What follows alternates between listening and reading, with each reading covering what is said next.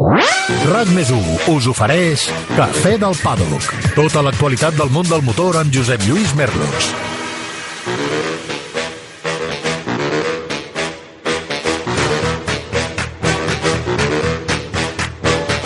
Què tal, com esteu? Benvinguts una setmana més al Cafè del Paddock.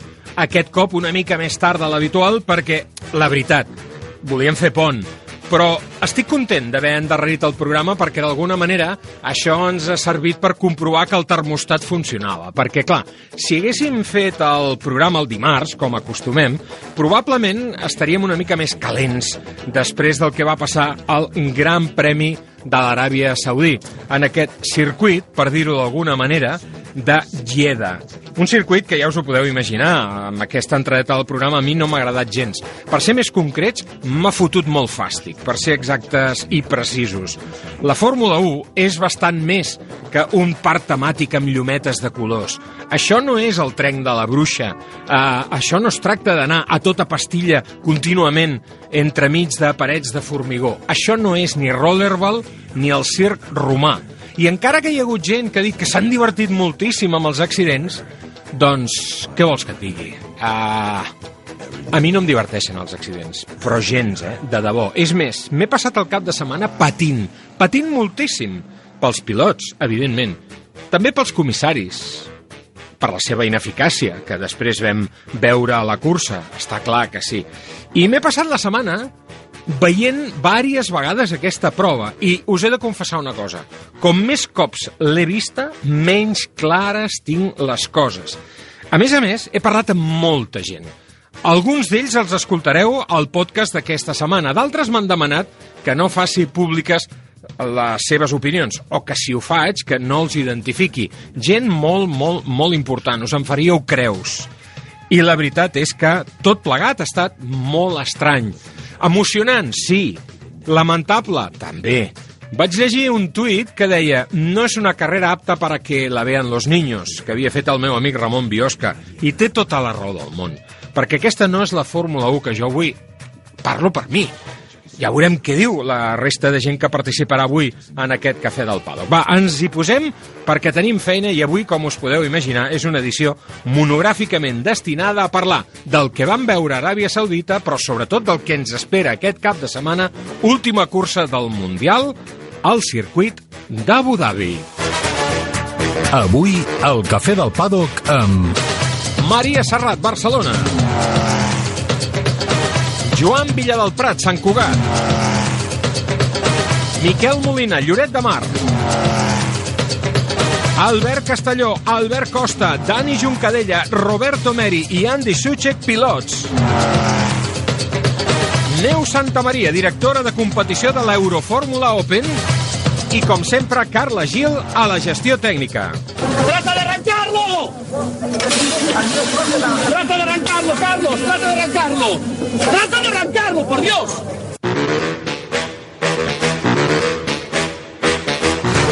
Maria Serrat, no sé si convidar-te a cafè, perquè només ens falta la cafeïna. Ja. No, tinc no, la pressió a dalt de tot. Tinc, tinc més pressió que, que, que la frenada d'un Red Bull en una recta, vaja. No sé.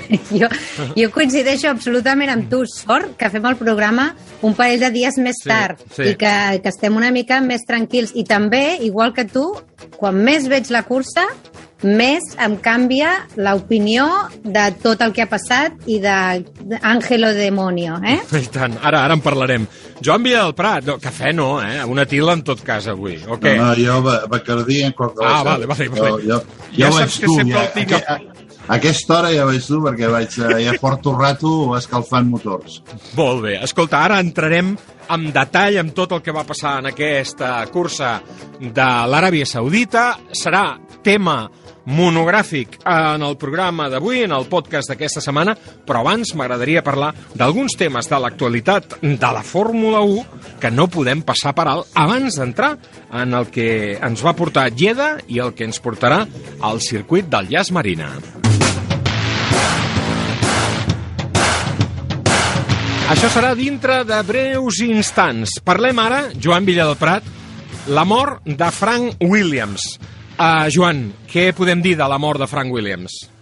A veure, eh, va, aviam, un, un grandíssim carrerista, un home que tota la seva vida i la seva passió ha sigut el, el motor i sobretot la Fórmula 1, un home que s'ha arruïnat, un home que ha tornat a aixecar-se, un home que ha creat un imperi, eh, un home, eh, bueno, d'aquells homes eh, que si has de mirar-te d'alguna vegada com a personatge, com a professional, diries eh, com m'agradaria ser aquest, aquest senyor. Però també és un home que va obrir eh, allò, allò que diuen la caja de Pandores, no? Va ser... El, um, jo tinc una experiència amb ell, a, a part de que en un moment determinat eh, em va oferir ser el seu eh, team manager o director de l'equip i ho vaig denegar per anar-me'n a, a Benetton. Per què? Eh, per què? Bueno, hi ha, hi ha no sé de motius, però bàsicament el que volia és que era una persona bastant retorçada. Potser per la seva incapacitat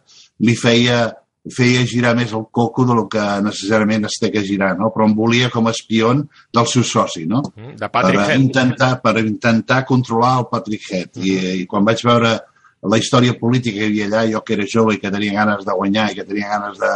que havia guanyat en McLaren i que volia guanyar per la meva part, eh, diguéssim, vaig decidir que no. Però bueno, deixem parlar de lo que, lo que més greu ha fet per mi a Frank Williams. Frank Williams, a un moment determinat, va començar a jugar amb despatxos. I me recordo perfectament la carrera de Silverstone quan es van descalificar per avançar a la volta de reconeixement, cosa que quan vaig portar les al·legacions a la FIA eh, vaig portar infinit de vídeos que Sena ho havia fet, que tothom ho feia, que s'avançaven, frenaven, deixaven passar, que era la forma d'escalfar els pneumàtics. Uh -huh. Allò ho va utilitzar per, eh, per tot el que va vindre després a, en aquella cursa que ens van donar una notificació d'una stop and go, que la notificació va arribar en retras, que jo la vaig denegar perquè s'havien passat el temps, no sé si eren 15 minuts que tardaven per, per, per donar-te la notificació, i si no ja no valia. Uh -huh. bueno, tota una sèrie de coses que al final, a la cursa, eh, vam fer el, el drive-thru al final, després d'acordar amb el director de carrera, a la cursa vam acabar segons, i bàsicament jo vaig guanyar amb els comissaris els meus arguments. Uh -huh. I allà es va acabar tot però en aquell moment eh, es va instal·lar una nova imatge que era un senyor que es deia l'FE Observa, no? Mm -hmm. I aquest senyor era el Roberto Causo, un home, un espió de Max Mosley, que al cap d'una setmana, quan ja els havien quedat segons, quan havien liderat la cursa, vam tindre que entrar, bueno, tot el que vulguis, eh, tot s'havia acabat, de cop ens foten dos carreres d'ascensió, es treuen els punts i un milió de dòlars de multa. Hosti. Vale? Tot això va ser instigat pel senyor Williams. A partir d'aquell moment, uh -huh. tots els equips, tots els team managers, l'únic que tenien tot el dia era anar buscant les comes i els punts a part en tot el reglament perquè si algú s'anava a pixar i no era l'hora que tocava, de fotre una demanda. La I caja aquí, de Pandora que dius. Eh? A, a partir d'aquí, a partir d'aquí la Fórmula 1 es va transformar. Es va transformar en guanyar moltes curses amb els despatxos. I això ho va instigar el senyor Frank Williams. Fins a aquell punt hi havia una serietat, una nobletat, una, una, un, un toc de mà, un, un, una esportivitat en els equips que, que, que es va acabar a partir d'aquell moment. A partir d'aquell moment tothom va anar a rajataula, a saco i buscant qualsevol tonteria per, uh, per poder descalificar l'altre. I això crec que, en aquest sentit, uh, el Frank Williams va ser molt negatiu. Doncs m'agrada molt. Ho tenia que dir. Algú no, tenia que dir. Mira, quan es mor algú, eh, sempre la gent té tendència a parlar bé. I, i, i de vegades la gent... Escolta, ningú pot qüestionar els títols que ha guanyat Williams, i tu ho has dit, un, un gran carrerista, a 114 victòries, 128 poles... Està clar que els Williams van marcar una època, als anys 90. La seva última victòria és el 2012, aquí a casa, al circuit de Catalunya amb el Pastor Maldonado, com sabeu. I, insisteixo, nou campionats de constructors i set de pilots, amb homes de llegenda com Alan Jones, Keke Rosberg, Nelson Piquet, Nigel Mansell, Alan Prost, Damon Hill i fins i tot Jacques Villeneuve. Però eh, per això t'he volgut preguntar tu per Frank Williams, perquè sabia que parlaries bé de la seva vessant esportiva, però que no et callaries res de la seva vessant personal. I també és bo eh, explicar les coses, eh, fins i tot quan, quan els que ja no hi són no tenen l'oportunitat de defensar-se. Maria, un altre, un altre tema eh, calent de la setmana. Es va parlar eh, la setmana passada, just abans del Gran Premi de l'Aràbia Saudita, que no estava clar qui acompanyaria a l'equip alpin a partir del 2023 a, a Esteban Ocon.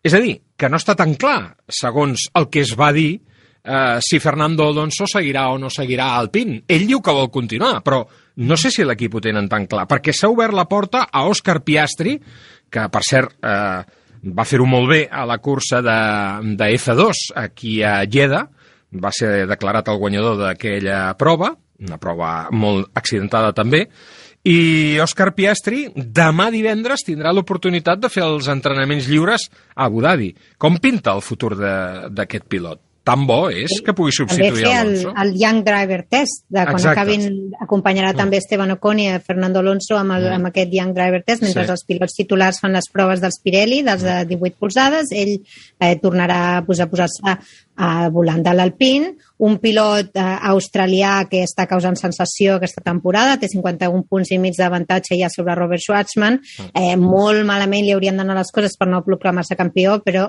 encara queden 65 punts per disputar, o sigui que qualsevol cosa és possible. Però sí que és un pilot que ha causat bastanta bona, eh, bones sensacions, bones impressions i, i bueno, des del PIN li volen donar, li volen donar una, doncs, la- l'oportunitat, li volen donar una bona empenta per si de cas Fernando Alonso, jo crec que Fernando Alonso crec que es guarda el seu futur a la butxaca, o sigui, ell 22-23 vol estar competint, però qui ho sap? Ell és un Clar. pilot veterà, a saber quines són les clàusules del seu contracte, si ell pot marxar quan vulgui o pot fer el que vulgui, si no es troba bé, si no van bé les coses, llavors ells, evidentment, han de seguir treballant eh, la, seva, la seva cantera i, i no està malament comptar amb Òscar Piastri. També s'han anunciat a Robert Schwarzman pilotarà per Ferrari amb Sí. aquests Young Driver Test, Pato Ward per McLaren, Logan Sargent per Williams, o sigui que ja comencem a tenir una mica més clar qui seran els, els joves pilots que es posaran al, a, les, a, les proves, a les proves d'Abu Dhabi, que també doncs, bastant interessant. Bueno, I el, el Guan Yu Zhu, que ja també Sí, es posarà al voltant al volant del, de l'Alfa Romeo, i a veure quines sensacions tenen, evidentment, amb aquests cotxes, amb aquest pas endavant, no? I tant, estarem pendents d'aquest test per joves pilots. Joan, no és notícia fresca, eh, de fet, ja fa un parell de setmanes, però sé que hi va ser-hi, jo també hi era, però no ens vam veure, jo et vaig escoltar quan marxava a la festa dels 30 anys del circuit.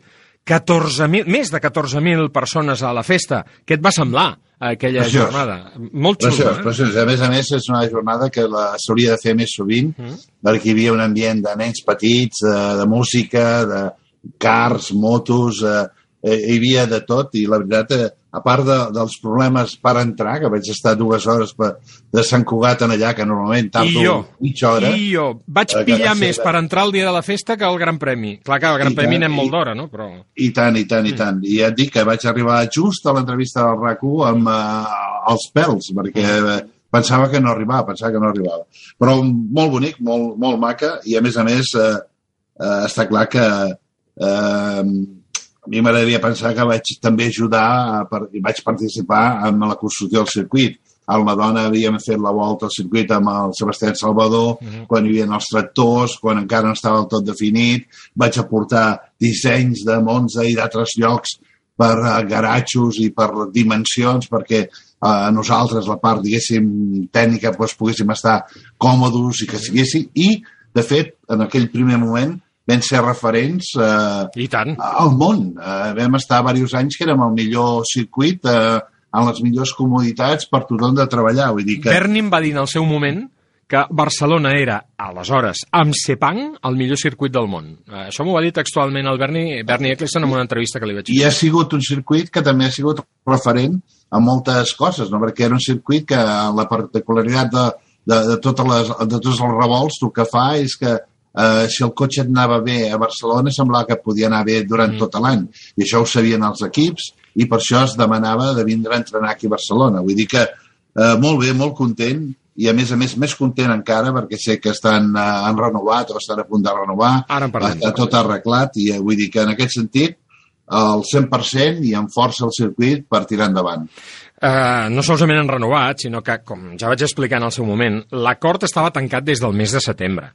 Però, uh, pel que sigui, uh, perquè no tenien pressupostos aprovats a la Generalitat encara, el cas és que l'anunci no es va fer fins, ai, quina casualitat, a la vigília de la festa dels 30 anys. Bé, està bé, està bé, està bé. Eh, un, un motiu extra per celebrar els 30 anys. Però eh, està clar, Maria, que sabem que a Montmeló ha renovat els contractes amb Fórmula 1 i Dorna per seguir celebrant el Gran Premi d'Espanya de Fórmula 1 i el de Catalunya de MotoGP durant els propers 5 anys. I, per tant, bien està lo que bien acaba, com diuen en castellà, no? Bona notícia i ens en alegrem moltíssim.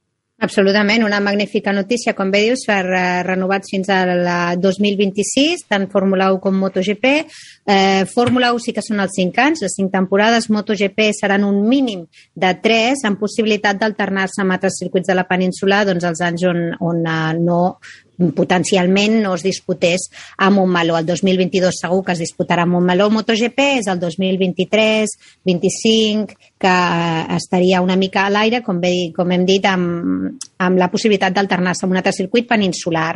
Uh, I uh, el que no... bueno, a veure, el que, el que s'ha de posar en relleu és sobretot també que el circuit de Barcelona-Catalunya i el Gran Premi de Fórmula 1 és el quart gran premi del calendari amb generar impacte econòmic a la zona, que uh -huh. això... Eh, molt important, molt important. déu clar, perquè mm. per això volem celebrar no, el gran premi també no només des d'un aspecte esportiu, sinó des d'un aspecte econòmic, sobretot perquè el cànon de 22 milions que paguen a la, a la Fórmula 1 i a Liberty Media eh, s'han d'amortitzar també d'alguna manera i la gent que posa els calés ha de veure aquests diners amortitzats pues, eh, com els han vist en els últims anys. Com bé dèiem, més de, bueno, gairebé 200 milions d'euros de, que es calculen calcula que, que el Gran Premi pot generar amb aquestes properes, properes edicions. Però sobretot també superimportant, el contracte té una clàusula que eh, el que s'ha de fer és treballar conjuntament, treballar conjuntament per convertir-se en un model de referència de sostenibilitat. També que tot això és molt important amb el llarg termini, perquè volem 5 anys però en volem més.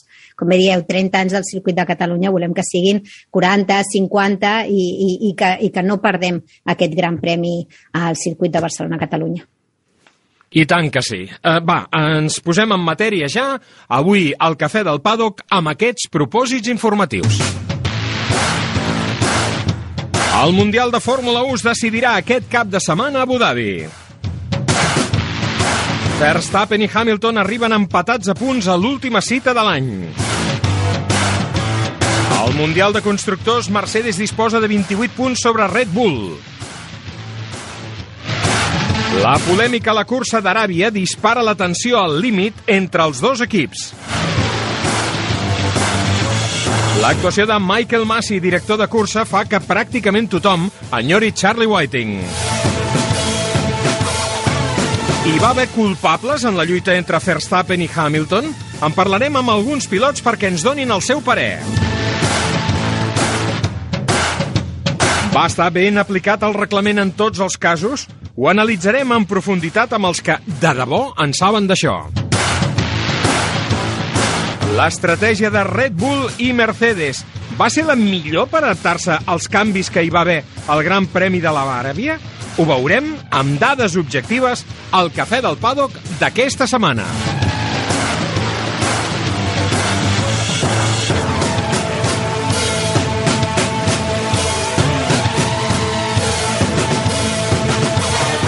Cafè del Paddock, amb Josep Lluís Merlos. Incorporem ara un convidat de luxe al Cafè del Paddock d'aquesta setmana. Ell és Miquel Molina, ja el coneixeu.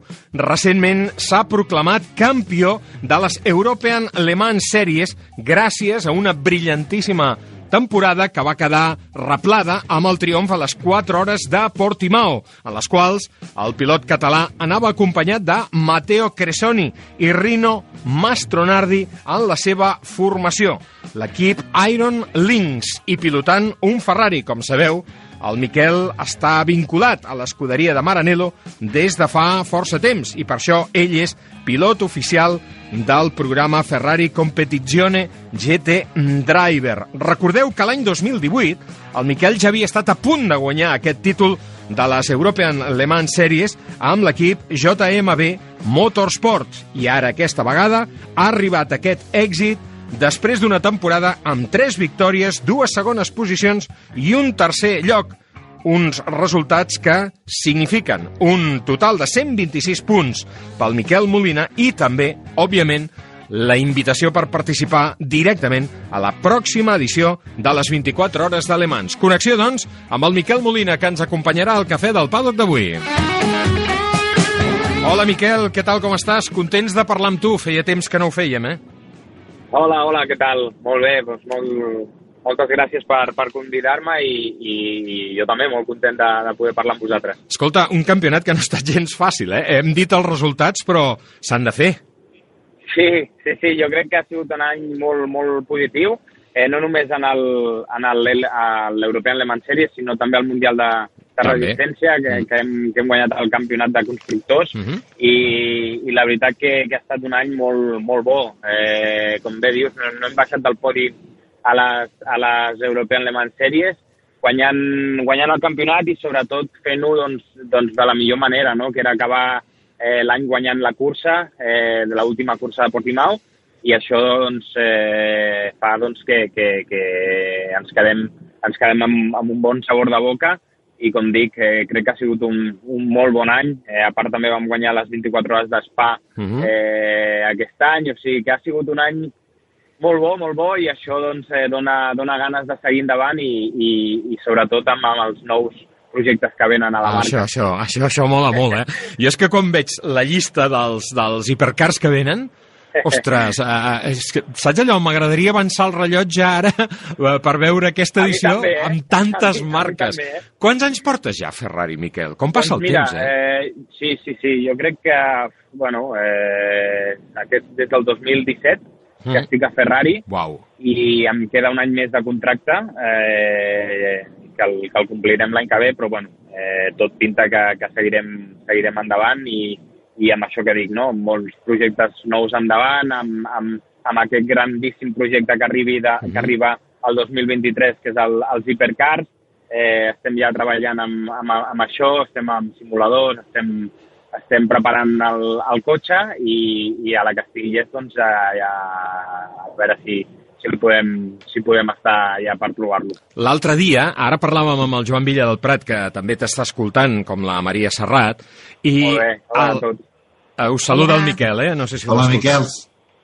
Hola, hola. Doncs dèiem que a, a, parlàvem amb el Joan de l'exposició dels 30 anys de història del circuit de Catalunya. I en un dels plafons d'aquesta d'aquesta festa, d'aquesta exposició que hi havia a la festa, hi havia una fotografia del primer programa del, de la primera selecció de joves pilots del circuit de Catalunya. I vaig agafar aquella foto, me la vaig mirar amb molt deteniment i ostres, de tota aquella colla que surt en aquella foto del primer any, només continues corrent tu.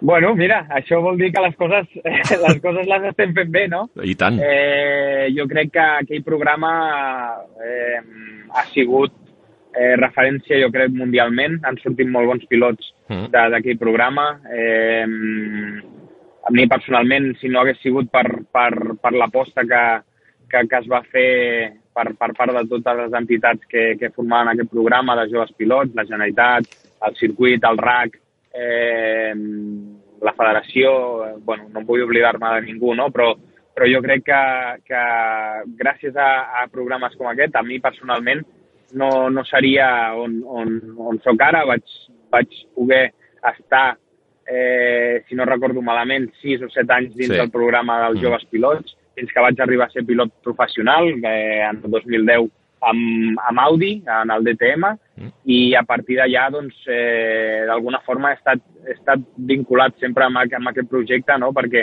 perquè és algo que, que, que agraeixo moltíssim a, a tota la gent que ha format part eh, en el seu moment i, i en els últims anys, que no, no, ha- no ha sigut fàcil eh, continuar-lo, però, però bueno, eh, eh, jo crec que, que a nivell eh, mundial el, projecte, el projecte dels joves pilots ha sigut referència i com dius, han sortit eh, bons, bons pilots i, i, i un d'ells doncs, eh, he tingut la sort de, de, de ser jo i seguir en actiu. No?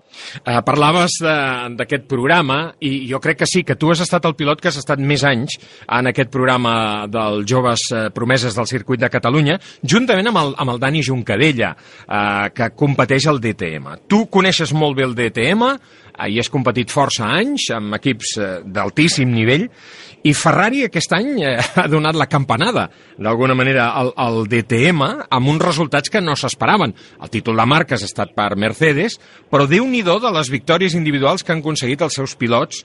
Um, tu, que estàs a l'òrbita de Ferrari i que ara Ferrari eh, ha tingut aquesta vinculació amb el DTM i veus possibilitats de tornar-hi o què amb els de Maranello, al DTM? eh, bueno, eh, jo crec que és una mica d'hora encara de, de veure, sí que s'ha plantejat, eh, perquè, perquè, com bé dius, jo he estat set anys al, al DTM, eh, és un DTM una mica diferent, no?, perquè, perquè eren uns altres tipus de cotxes Clar. i uns altres tipus de, de, de campionat, però l'essència segueix estant, com es va veure en l'última cursa, i, i, i bueno, eh, he parlat d'aquest projecte que, que, podria, que podria ser, Um, això va ser una, una aposta que va buscar, va buscar... Red Bull sempre ha estat molt vinculada al DTM, no?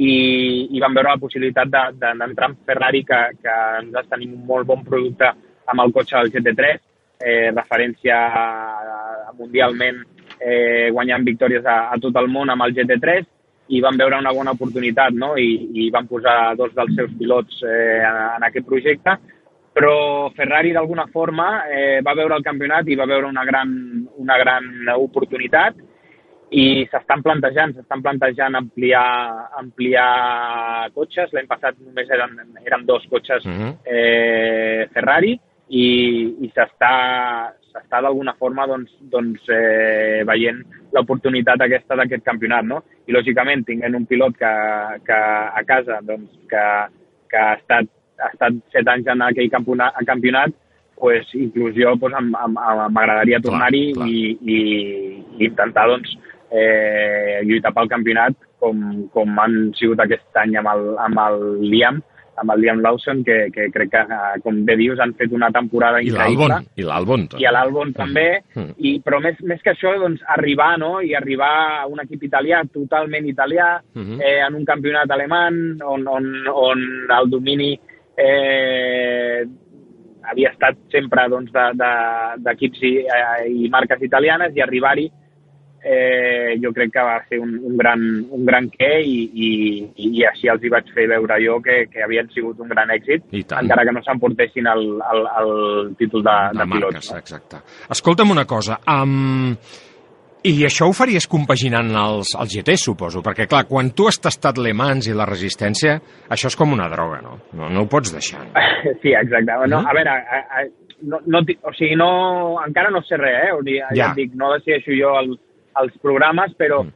el, meu, el meu objectiu del, del 2023, eh, com ha sigut aquest any, és el, el Mundial de Resistència, mm. eh, on, on estem amb l'equip oficial i les 24 hores d'alemans, no? que és, que és l'objectiu més, més, més gran que tenim, no? I, i, i és l'últim any d'aquest tipus de cotxes, del GTE. Eh, és un any molt, jo crec que ha de ser un, gran, un any molt, molt important per, per preparar-nos, com deia abans, pel futur, no? eh, encara que la cosa va pinta bé, però, però bueno, eh, normalment he compaginat dos, dos campionats a l'any, eh, inclús tres, eh, podria ser una, una molt bona opció. Podria ser una molt bona opció tornar al DTM, però ja et dic, eh, ara mateix no...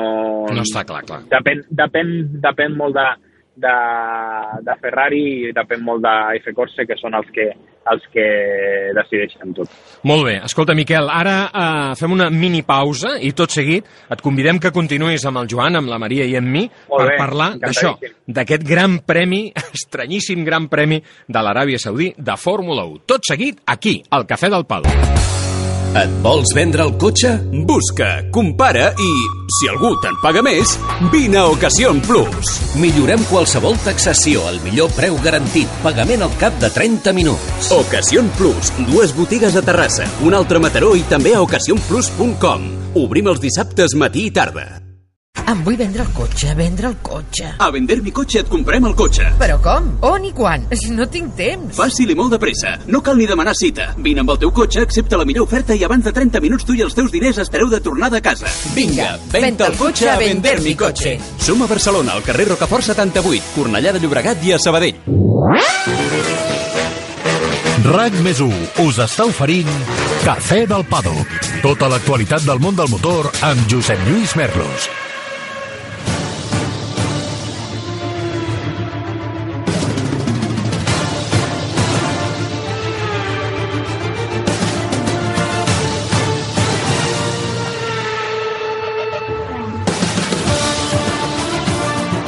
Alta tensió, màxima tensió, més emoció impossible. Aquest cap de setmana s'acaba el Campionat Mundial de Fórmula 1 2021. Una de les proves, una de les edicions, jo diria, més emocionants dels últims temps. Ha estat una temporada fantàstica fantàstica. Ens ho hem passat d'allò més bé. És veritat que hi ha hagut alguns moments que podien haver estat diferents, no? Com, per exemple, coses que van passar a l'Aràbia Saudita i de les quals en parlarem ara. Però, en general, hem de fer una valoració molt positiva d'aquest any 2021, on fins i tot aquells que no els agrada la Fórmula 1 s'han reenganxat a l'especialitat, cosa que celebro extraordinàriament. Com estan les coses? Repassem el campionat com queda quan només falta l'últim round al circuit Yas Marina Abu Dhabi. Max Verstappen i Lewis Hamilton estan empatats a punts, 369,5. Per tant, allò que dèiem, eh, que veníem avançant des de fa unes setmanes. Us imagineu que el títol es decideix pel punt de la volta ràpida? No ho descarteu, podria passar. En cas d'empat, guanyaria Max Verstappen ara mateix, perquè Verstappen té una victòria més que Lewis Hamilton imperial a les últimes curses. Darrere d'ell ja, amb la tercera posició confirmada, Valtteri Bottas amb 218 punts. Els espanyols, Carlos Sainz és setè amb 149 i mig, per darrere de Charles Leclerc i Lando Norris, i Fernando Alonso és desè amb 77 punts. En té 5 més que el seu company a l'equip alpin, gran cursa d'Esteban Ocon al circuit de Lleida, que és l'11è classificat. Pel que fa al Mundial de Constructors, lleuger avantatge per Mercedes, 587,5, 28 punts de diferència sobre Red Bull, 559,5. A la tercera posició, lluita encara no decidida entre Ferrari i McLaren. Alpine és el cinquè equip classificat en aquest Mundial de Constructors. Miquel, devies veure la cursa, no?, suposo? Doncs sí, sí, sí, la vaig veure I i, què? va ser, va ser interessant. Va ser eh, situacions que d'incògnita, eh, situacions d'alta tensió, com, de, com bé deies, i, i bueno, interessant, no? Que això dona que a l'última cursa estiguem tots enganxats a la, a la televisió per, per poder veure com, com acaba aquest, aquesta història, no? I tant que sí. Eh, durant la setmana, us ho deia al començar aquest Cafè del Pado, que he tingut l'oportunitat de parlar amb molta gent, amb amics, amb pilots, amb mecànics, amb enginyers, amb directors de cursa... Eh, us he recollit una mostra, perquè és el que dèiem, i que la Maria després també ha subscrit, que com més vegades veiem les imatges, menys clares tenim les idees, no? I jo he fet una recopilació d'algunes declaracions que m'han fet aquests pilots en els últims dies, i com veureu, hi ha de tot. Començo pel més veterà, per l'Albert Castelló. L'Albert és un pilot que ja no està en actiu, que ha competit moltíssim en moltes categories, que ha provat cotxes molt diferents, és d'una generació ben diferent a la resta de pilots amb els quals parlarem. L'Albert Castelló no és un pilot format a la generació PlayStation. Ell va arribar abans. Aquest és el criteri que tenia l'Albert Castelló sobre el que van veure al circuit de Lleida. Segons el meu parer, el que vam veure el passat cap de setmana en un circuit molt maco, molt ràpid i molt perillós és una combinació de tres factors. El primer factor respon a un reglament poc just que permet a un pilot canviar de pneumàtics sense perdre temps al pit lane. El segon factor respon a un director de cursa, Michael Massey, poc ferm. I el tercer factor, i el més important, un pilot, Max Verstappen, que juga molt brut. La seva conducció és perillosa pels seus rivals. Max Verstappen tindria que haver estat penalitzat en posició i, per tant, en pèrdua de punts eh, per donar exemple sobre el que ha de ser una conducció esportiva. No n'hi ha prou amb ser ràpid. Aquest és el punt de vista de l'Albert Castelló. Però ara anem a un altre pilot, el Dani Juncadella. Uh, L'Albert ha carregat les tintes sobre Max Verstappen. I què pensava Dani Juncadella? És difícil d'explicar, de, però eh, per mi tot es resum es resumeix en que en què bàsicament tot, o sigui, ja han perdut el respecte l'un per l'altre totalment i és com una lluita de veure qui és el més cabron. I ara et putejo jo, ara tu, ara jo no hi ha límits en les baralles si vas per fora et, et fico fora i passen aquestes coses. Per això passa això bàsicament. I per això es desencadena tot amb amb el que, amb el que ha passat. Però bueno, eh, lo principal considero jo és que eh, el, el treball de la FIA i comissaris i de més o sigui, jo no, jo, no, jo no sóc ningú per dir com han de fer el seu treball però crec que el d'ahir va ser increïble. O sigui, jo no m'ho podia creure. Mm, semblava un bueno, un show, no semblaven carreres, no semblava Fórmula 1, ja ho va dir el Max a la de la carrera, clar, això no, no sé, tot massa penalitzacions i poc competir. I el del break test, o que diuen break test, bueno, això ja és que és de bojos. O sigui, al final jo considero que el, el Verstappen és el que ha de deixar passar al Hamilton. I ell decideix quan deixa passar, perquè al final ell té el poder per dir eh, quan el deixa passar, perquè és el cotxe que va davant i és el que està perdent una posició i està donant una posició i bueno, bàsicament eh, Hamilton arriba i diu no, no, jo ara aquí no te quiero passar clar llavors passa el que passa i després es, per mi es despista i no s'adona que l'altre està frenant i se'l menja, però és que no pot ser o sigui, no és un break test el Max, he parlat amb el Max amb un grup i ell ha dit eh, no ho he entès eh, que és el que ha fet el Hamilton perquè no ha passat segons diu ell, eh, no li havien dit que el Max l'havia de deixar passar. Però bueno. L'opinió de Dani Juncadella, radicalment diferent com m'heu escoltat a la de l'Albert Castelló. L'Albert carrega les tintes sobre Hamilton, el da, eh, perdó, sobre Verstappen i Dani Juncadella l'exonera totalment. Però encara hi ha un altre nou punt de vista, el que ens aporta, per exemple, algú amb una certa experiència, també ja, com és L'Albert Costa. Què pensa l'Albert Costa de tot això? Ara mateix Lewis i Verstappen estan a un nivell que superior al reste, estan donant al màxim les dues escuderies sense deixar-se cap cosa i, i bueno, uh, la, la cosa està tensa, és, no és un, és un cap de setmana que juguen una petanca, juguen un mundial, juguen moltes coses i uh, aquí no, no deixa com es diu, no, no es deixa ni, ni, un, ni un hueco el cap dels dos. Llavors, bueno, la carrera, uh, Verstappen de 10, tot el que va fer, els adelantaments a les sortides, aguantant... Sí que uh, em fa molta ràbia i, i no tristesa, però em sap greu veure com lluita en una posició i, per exemple, Verstappen diu, bueno, aquí arriesgo, l'aguanto per fora, sapiguent que aquí puc, puc tallar la xicant i no passarà res. Això a mi em sap greu, perquè en un circuit de old school on ja grava, on ja, sí, on ja grava, uh, aquí et quedaries fora de la carrera i, o els dos fora, saps? I això és el que a mi em sap greu. Llavors, el risc augmenta molt més. El que va passar després, que va frenar, que ara han donat la culpa a ell, doncs Hamilton, intel·ligent, jo recordo un 2009 jugant un títol on, on mm, Antonio Félix da Costa i Jean-Éric Bernet m'ho feien a la recta de Motorland, no sé si ha vídeos, però m'ho feien, em frenaven, deceleraven, i bueno, això és jugar, no? Això és jugar. El que passa, una cosa és jugar amb una uh, disminució de velocitat, produ, pro, eh, com es diu, descendent o, o ascendent, i aquí, en aquest cas, Verstappen ho va fer bé, però de sobte va fotre una frenada de 69 bars, i aquí, clar, aquí, aquí són jugues i dius, bueno, pues si me la mete, doncs mira, jo quedo fora, cap problema, i, ja està. I ja està. Aquesta és l'opinió de l'Albert Costa, no? Eh, un punt de vista diferent, no? Perquè mm, ens aporten nous elements de reflexió. Uh, si un enfant terrible ens ha, hi ha hagut que ens hagi acompanyat a les transmissions de Fórmula 1 durant molt de temps, aquest és Roberto Meri. El Teto sempre té un, unes opinions molt radicals. No es mossega la llengua. I aquesta vegada tampoc. Tot i que, com podreu escoltar de fons, el vam enganxar de pont, gaudint de l'oratge de la mar Mediterrània de la seva Castelló. Però escolteu, escolteu perquè val la pena tot el que diu el Roberto Meri. A ver, cuando Verstappen frena tarde y, va por dentro de Hamilton y hace la curva 1, digamos que atajando, ¿no?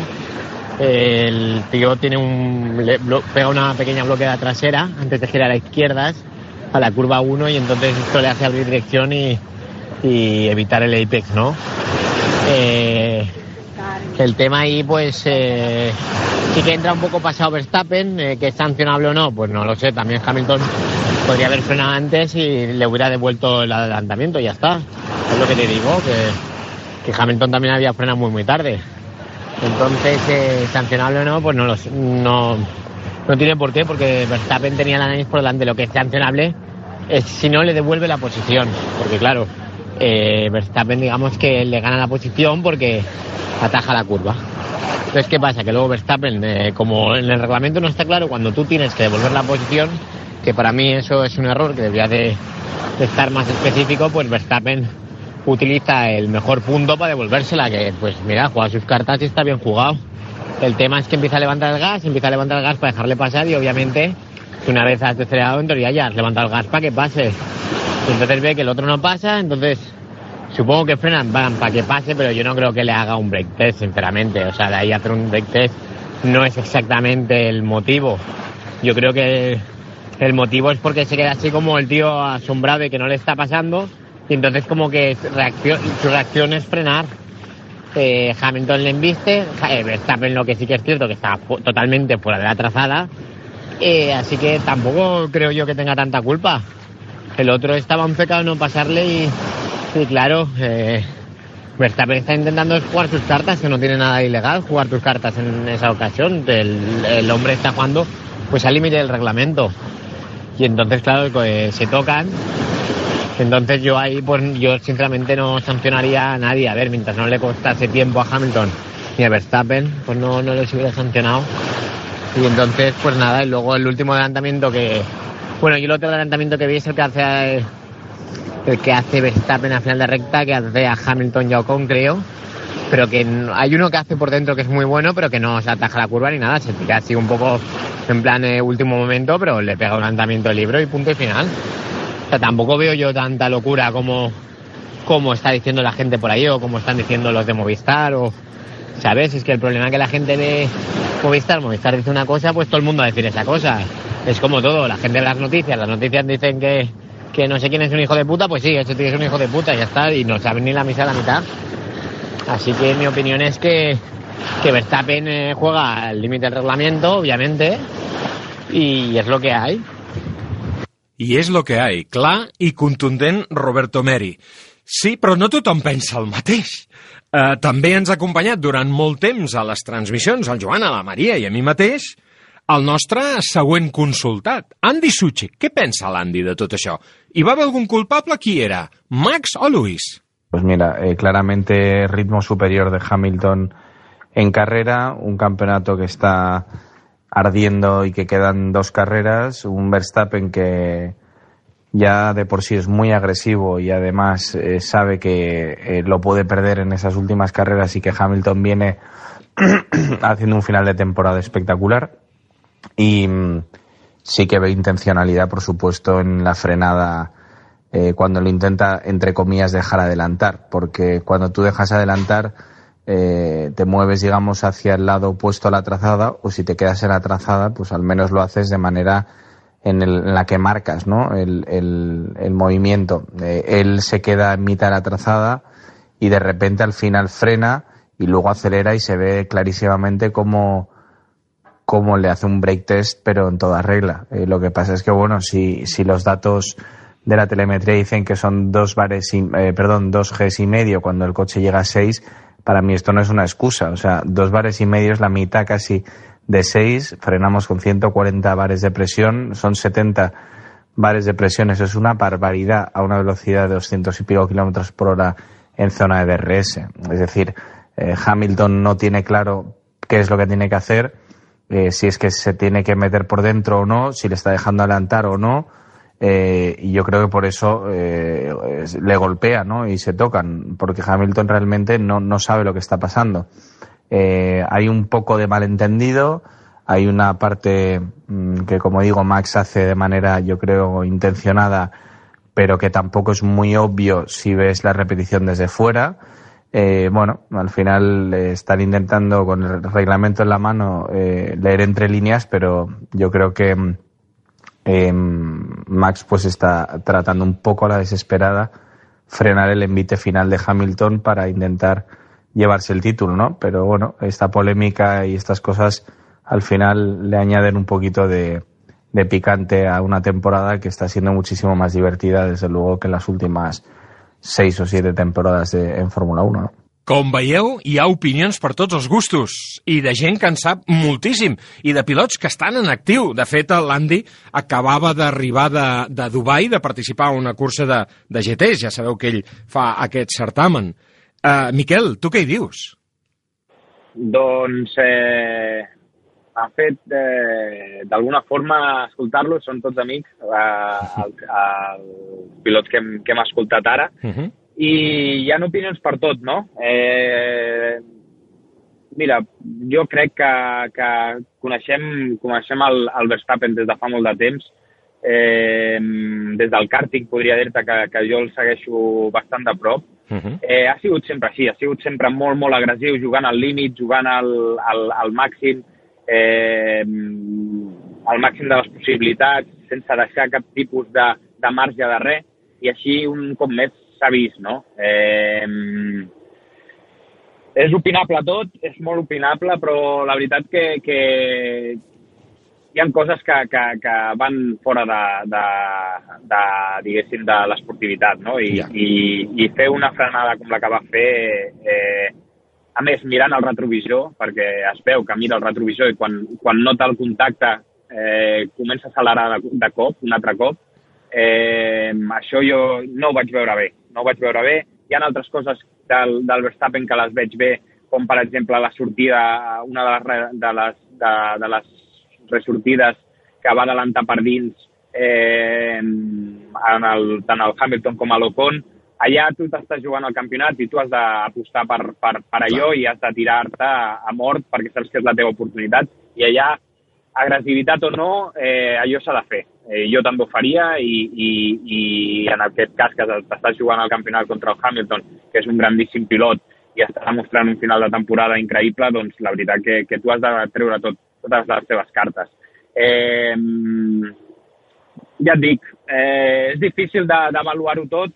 Eh, com, com bé heu dit, la, la FIA eh, està sent una mica re- irregular en, en aquest sentit de la reglamentació, hauria d'estar tot molt més, molt més eh, estipulat, però això passa a la Fórmula 1, passa al, al Mundial de Resistència, passa al DTM, passa a tot arreu, no? perquè és molt difícil eh, jutjar des de dins. Eh, he tingut l'oportunitat eh, durant els últims tres anys, per exemple, sé que són campionats molt més amateurs i tal, però eh, a formar part de, de, de la direcció de cursa del Ferrari Challenge Uh -huh. i un cop estàs allà dins realment és, és eh, avaluar les situacions És difícil. eh, els contactes és, és molt difícil, no? O sigui, també hem de, hem de tenir en compte doncs, aquesta, aquesta, aquesta situació. Però, eh, bueno, crec que, que més o menys queda, queda tot dit, no? Eh, S'estan jugant al campionat, són els dos pilots ara mateix que, que, que estan traient les, les garrofes al, a, al màxim, a la seva màxima expressió i, i poden passar aquestes coses, però, però fins a un cert punt, no? Fins a un cert punt d'esportivitat i, i en aquest cas jo crec que l'únic l'única cosa que, que, que li retrauria potser al, al Verstappen va ser la situació del deixar-se passar de la frenada i això, però tot l'altre eh, bueno, eh, s'estan jugant al campionat i, i si fos al revés de part del Hamilton doncs també ho veuríem eh, d'una forma que, que d'una forma molt agressiva, no? Està clar. Uh, Maria, què t'ha semblat aquesta bateria d'intervencions de, dels pilots? Tots amics, evidentment. pues m'ha semblat que al final són opinions i tots eh, tenim dret a la nostra opinió i al final no tenim ningú les dades ni, ni, ni el que els hi passava pel cap a cap dels dos, així que tots entrem dintre del territori de l'especulació. Ara bé, eh, jo personalment, i torno a repetir, són opinions, quan ho vaig veure en directe vaig, em vaig posar les mans al cap i vaig pensar, ostres, que, ha- ha fet el Verstappen aquí, que se, se li està anant una mica la olla. Eh, però remirant, tornant a mirar, mirant els diferents anàlisis, diferents periodistes, diferents eh, articles, Ah, no ho tinc tan clar, no ho tinc tan clar. Eh, si més no crec que és un... Evidentment van portar, estan portant la seva rivalitat a un nivell de carrer, tots dos, tant el Lewis com el Max. Poc I- respecte, com apuntava el Dani Juncadella, Exactament, és un poc respecte, però un poc respecte que es remunta, en la meva opinió, a Silverstone. Silverstone crec que és un moment clau Clar. on Lewis fa una cosa molt lletja, molt intolerable i no sancionada.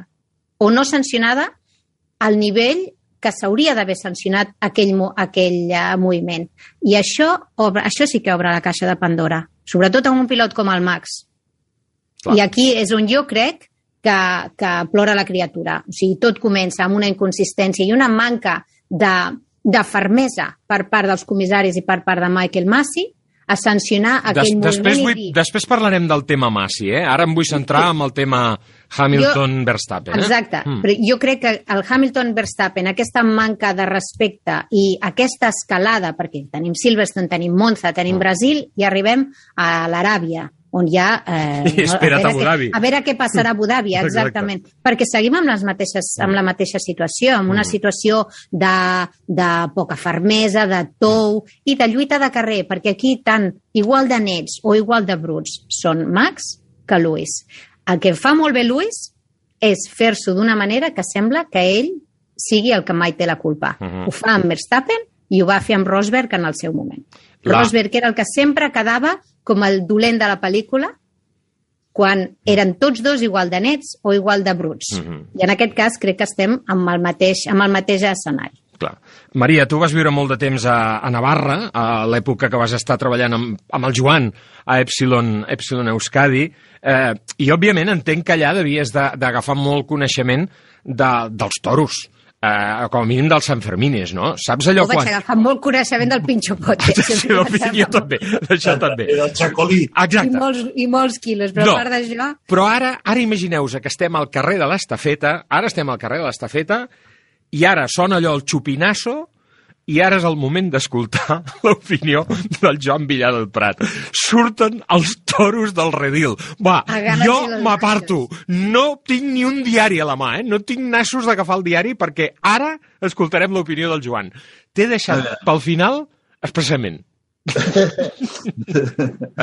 Seu dolent sempre jo. Aviam, o jo, o jo, tinc, o jo veig unes curses diferents de la que molta gent. Estic molt d'acord amb el que ha dit el Dani Juncadella. Mm. Estic bastant, bastant a, a prop de lo que ha dit ell. Primera, tenim a dos animals, dos depredadors. Vale? Si parlem de l'accident, d'això que parlem d'aquesta frenada, aquestes tonteries que diuen, vale. parlem les coses clares. Veiem que el Max redueix marges, es queda en tercera. Vale? Hamilton veu que va lent, està a l'exterior, ell, si el vegi volgut passar, el pot passar per l'interior sense cap tipus de problema, què fa Hamilton? Redueix marxes. Redueix marxes i es dona compte que el Max vol que passi en allà. Mm. I ell diu, per Tururú. aquí no passo. Tururú. I mentre està pensant el que pensa el Max, se li ha fotut el cotxe a sobre i no la culpa. Jo, la culpa la tenen tots dos. Correcte. Absolutament d'acord, Joan. Ni l'altre. El, el, el, el, el, el Hamil podia haver evitat aquest accident de totes, totes, però no el va evitar. No el va evitar perquè es va equivocar. I perquè no Perquè- volia deixar-lo passar... No volia, no volia passar Perquè el tornés a repassar. volia que passessi. Eh, eh, és exactament això. Clar. I és més, et diré una cosa molt més important, que dius que no, no tenim dates. I tant, el Hamilton ho diu a la roda de premsa. Sí. Ho diu quan li, I quan li demanen. Diu, Ell reconeix "El que no li va donar la gana. el Max volia que passés per allà, jo no vaig voler passar. Uh -huh. Collons, no vols passar, no passis, però no el xoquis. Clar. Perquè el que xoca, el culpable sempre és el de darrere, no el de davant. Eh? Això és el que xoca diuen el les assegurances. Això, això sempre ha sigut així. Sí, però no? Joan, aclara'm una cosa. Quan, Vale. quan, xo quan xoquen dos Fórmula 1, Ah, T'ho t'ho dic en plan naïf, eh? Uh, el que és picat per darrere, en aquest cas el Verstappen, no té les de perdre, perquè per una raó molt simple. Si se't carreguen tota l'estructura de l'aleró posterior, bona nit i tapa't.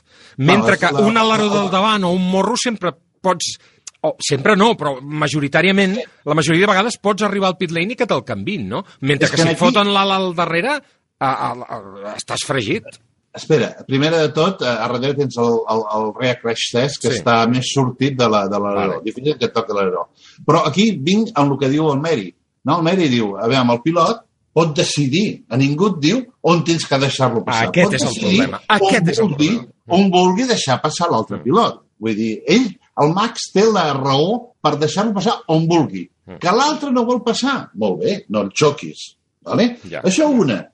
Segona, que també amb la història de Movistar em vaig quedar estar sorprès de... Insistim que no és fàcil i, i No, no, però- no seré però- jo qui, qui defensi a la gent de Movistar, perquè no en tinc ni necessitat ni ganes. Però No, no, precisament per l'experiència d'haver fet moltes transmissions de Fórmula 1, conec les dificultats. I, per tant, en aquest sentit, jo voldria exonerar de part de culpa si, si, si els comissaris tenen tots els recursos tècnics que tenen a l'abast per decidir eh, si apliquen o no apliquen una sanció i la caguen perquè la caguen, doncs els comentaristes també la poden cagar, m'entens? I, Aviam, hi ha, un altre, hi ha un altre punt de, de, de la cursa on el Max deixa passar a, a Hamilton. Vale? Mhm, I llavors Correcte. els posa darrere i el torna a passar. Mm. I li demanen de direcció de carrera que el torni a deixar passar. Sí. Perquè l'ha passat ràpidament. Mm. Aviam, perdó. El que et diu el director de carrera és que cedeixis la posició. Però no et diu que tens que cedir la posició per una hora, per mitja hora, per cinc minuts, per una volta, per dues voltes Clar. o per tres voltes. Ni quan. Has de cedir la posició.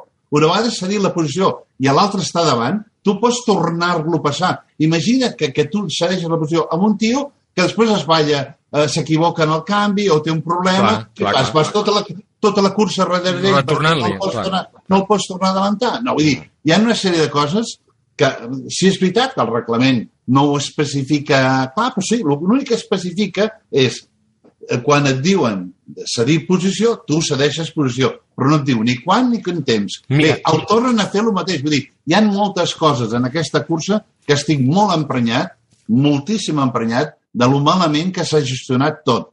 I m'emprenya encara molt més que es faci aquesta imatge de que Max és un, és un assassí, eh, etc etc, quan és un pilot, que és el que volem els fans de la Fórmula 1, veure pilots que es juguen el tot per al tot a, a, a, amb les curses. Si no tinguéssim els Max, serien curses avorrides, d'un Hamilton guanyant constantment perquè té, en aquest moment té un material superior al que té Red Bull. Vull dir, aquí la diferència està fent un pilot que s'ha guanyat aquest any ser campió del món. I torno a repetir, i tot ve d'aquesta obertura de caja de Pandores de Silverstone. Estic totalment d'acord amb el que diu la Maria. I tant. On en allà els comissaris van ser eh, absolutament eh, Nefastos, nefastos. nefastos, nefastos, perquè Mira. posar-li 5 segons amb un tio que va liderant la cursa i que porta 30, tios, 30 segons en el tio de darrere eh, és, de, és, és ridícul, Mhm. és ridícul. I en canvi l'altre cotxe a 280 km per hora amb un revolt perillosíssim ha estavellat contra el mur i ell a l'hospital. Vull dir, si juguem en aquest joc de qui és el net i qui és el brut, em sembla molt més brut el que va fer Hamilton que el que ha fet Verstappen en aquí. I en canvi, avui en dia, per una sèrie de comentaris de gent que són, en teoria són professionals per entendre una mínima, o almenys callar, o no fer uns comentaris massa agressius, tenim uns espectadors que molta gent està crucificant a Max com un assassí. I això no estic d'acord. De fet, eh, hem estat ponderant des de que ell apareix als grans premis, des del primer minut que apareix als grans premis, des d'aquella victòria, per exemple, al circuit de Catalunya, la primera del seu palmarès, si una cosa s'ha ponderat de Max Verstappen és eh, el, el seu estil de conducció, el seu temperament. Eh, de la mateixa manera que en el seu moment eh, valoràvem la manera que conduïa Ronnie Peterson, o més endavant eh, Villeneuve, sense anar més lluny, o Senna, o Montoya. Ara, amb Max Verstappen, per això jo, jo he escrit un article que, que, que podreu llegir aquesta setmana en algun mitjà, eh, on parlo de la presumpció d'indecència, no de la presumpció d'innocència. I és que, clar, ara partim de la base que quan a algú li pengen una etiqueta, un San Benito, que diuen en castellà, costa molt despenjar-se-la, costa molt esborrar-la. I amb això no m'estic posicionant a favor de Verstappen, eh? eh? Les coses com siguin, perquè, insisteixo, jo crec que si la culpa era d'algú, personalment, crec que era dels dos, o de ningú, o de ningú, aquest és el meu punt de vista. Escolteu, eh, hem parlat del reglament, hem parlat de la FIA, Uh, vaig voler buscar l'opinió uh, de directors de cursa. Vaig parlar amb diversos. La veritat és que només una persona ha tingut la valentia de parlar, i això, que és directora de cursa internacional, reconeguda per la FIA, i directora de competició de l'Eurofórmula Open. Ella és la Neu Santa Maria. Molt interessant el que ens explica. Escolteu-la. Després de veure i reveure la cursa diumenge des de tots els angles possibles, he de dir que segueixo sense tenir res clar. Començant per què fa la Fórmula 1 corrent en un circuit així no estàvem tan a favor de la seguretat, que volíem posar escapatòries asfaltades a tot arreu. Llavors, què fem? Corrent en un circuit amb els murs a tocar dels cotxes on no s'ha fet cap cursa prèvia al Gran Premi. No entenc gens, la veritat, això. Després, parlant de tota la polèmica generada Hamilton-Verstappen, per mi la idea que queda clara és que el Let Them Race que tant hem impulsat aquesta temporada no sempre val i tot ha de tenir uns límits. Una cursa no pot consistir en forçar un altre cotxe fora de pista a cada curva que traces i no pot ser que això no tingui cap penalització. S'ha de deixar un mínim espai, si no, quin tipus de dita hi ha? Ninguna. De l'incident al retorn a la posició, ara, després d'haver-lo vist moltes vegades, crec que penso bastant diferent al que vaig veure diumenge. Diria ara mateix que és culpa de tots dos. Un per frenar massa i de manera molt erràtica, i l'altre per no avançar. Quan ha d'haver un canvi de posició, i més dit des de direcció de cursa, ha de ser ja, i no quan el pilot vulgui i on ell vulgui. Entenc que si hi ha un gap molt gran entre un cotxe i l'altre, aquest s'ha de reduir per poder fer un adelantament en condicions i no que el pilot que va per davant hagi de fer una frenada molt forta. Però un cop els dos vehicles estan junts, és qüestió d'apartar-se i deixar passar el de darrere. Un cop aquest altre t'ha passat, ja pots retornar a la teva posició. En ningú punt del reglament diu que tu no puguis tornar-li la posició i a la següent curva o a la mateixa tornar-hi passar davant. Per tant, ho hagués pogut fer així perfectament Verstappen i no de la manera que ho van fer. Bé, doncs un altre punt de vista, no? En aquest cas, reglament en mà, eh, perquè per inconcret que sigui, que ho és, el Teto ho reconeixia, i, i d'això n'hem parlat moltíssim, eh, tenim un problema de manca d'expressió. Uh, Maria, jo crec que um, aquest cap de setmana hem assistit a una mica del joc dels despropòsits a l'hora de traduir expressions angleses. Per exemple, Michael Massey, ara parlarem de la seva actuació en aquest Gran Premi, però Michael Massey diu «That's my offer», eh? quan, quan parla de la proposta. I clar, això ha escandalitzat a molta gent, a mi el primer. A mi el primer. Però clar, tot depèn de com tradueixis la paraula offer, perquè clar, si offer la traduïm com a oferta, com a negociació, com a xanxullo, en definitiva, això és normal que et posi els pèls de punxa. Però si offer ho tradueixes com a proposta, opció, la cosa canvia. Maria, tu que parles anglès perfectament, què creus d'això? Jo estic totalment d'acord amb tu i amb aquesta reflexió. És important eh, i també contextualitzar contextualitzar la conversa, contextualitzar què és el que... I a mi no em podran acusar de defensora de Michael Massey, mm. perquè, com he dit al principi, crec que és una manca... Tot el que, tots els problemes que estem veient són una manca de consistència tant per part d'ell com dels comissaris. Dit això, eh, crec que això s'ha tret... Eh, bueno, s'ha fet una, un gran massa perquè contextualitzant el que Michael Massey els hi diu, és Michael Massey els hi diu, bàsicament, torna a la posició, si no vols arriscar-te, que ara involucrem els comissaris i que els comissaris facin una penalització. Llavors, eh, crec que, el que eh, la, la paraula OFA i com, com també Christian Horner ho posa o ho porta al terreny del, del mercadillo, no? I del Helmut sud. Marco, i Helmut Marco, ah, que diu, també, eh, això, diu creia que hi havia unes normes i no que estàvem a un mercat, va dir Helmut Marco textualment. Exactament. Mm -hmm. eh, també també ja parlarem un dia de, dels team principals i del papar, mm. i el paperàs que estan fent tots, sí, perquè déu-n'hi-do. Però bueno, parlant de, de, concretament d'aquest incident o d'aquest moment, That's My Offer, el que ell està dient eh, jo us proposo que canvieu la posició ara, sense més conseqüències, si no voleu que ho escalem a comissaris i que ells potencialment facin una, una penalització que tingui unes implicacions o que tingui unes conseqüències més grans. Aquí t'has tot. I si escoltem a Jonathan Whitley a la ràdio, si escoltem a Toto Wolf a la ràdio, exactament això és el que passa. Li diuen, sí, això, deixa'm que ho comento. Sí, no s'indignen, aparentment, endavant", I ja no. està. Mm. No hi ha una indignació Mm. inicial, no hi ha un dic escàndol, no hi ha... Que, que hi ha un tema de matisos en la traducció. Eh? normal. Mm. Exactament. Joan, a, a, a veure, explica'ns una cosa. Tu això ho deus haver escoltat milions de vegades eh, amb el Charlie Whiting i amb altres directors. De propostes d'aquestes, Ho fèiem per d'ofertes... telèfon, ho fèiem per telèfon. Clar, clar. No hi havia línia directa, I però... més a l'època Berni, no? El que passa que no, la, la resta dels mortals no ens n'assabentàvem d'aquestes coses, però a tu t'han fet propostes d'aquestes?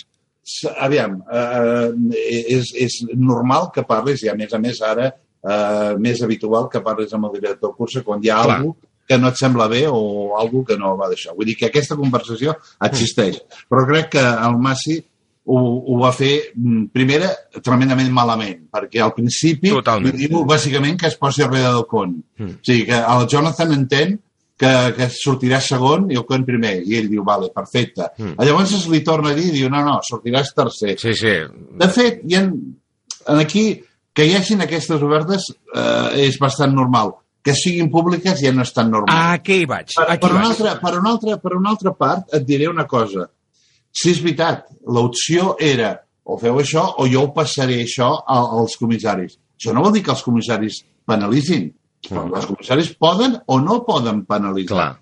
Són ells que prendran la decisió. Mm. I ells trauran els problemes a sobre. Vull dir que fins a un punt, Massi per mi la va cagar, perquè en aquest cas, el més lògic per parar-te el cul i per, per no prendre una sèrie de decisions que potser no et pertanyen, el més fàcil hauria sigut passar-ho als comissaris. Mm. I que els comissaris prenen la decisió. Que per això estan i per això se'ls paga. Ja. Vull dir que, cuidado, eh, aquests senyors no van gratis.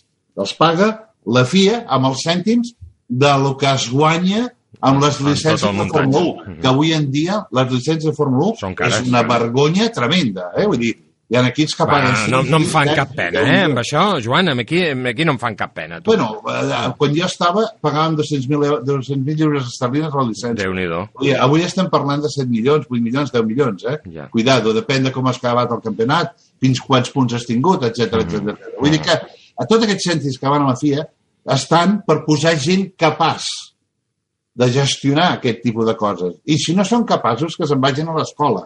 Jo el que demano a la Fórmula 1 és que siguin professionals, professionals de veritat i que siguin constants.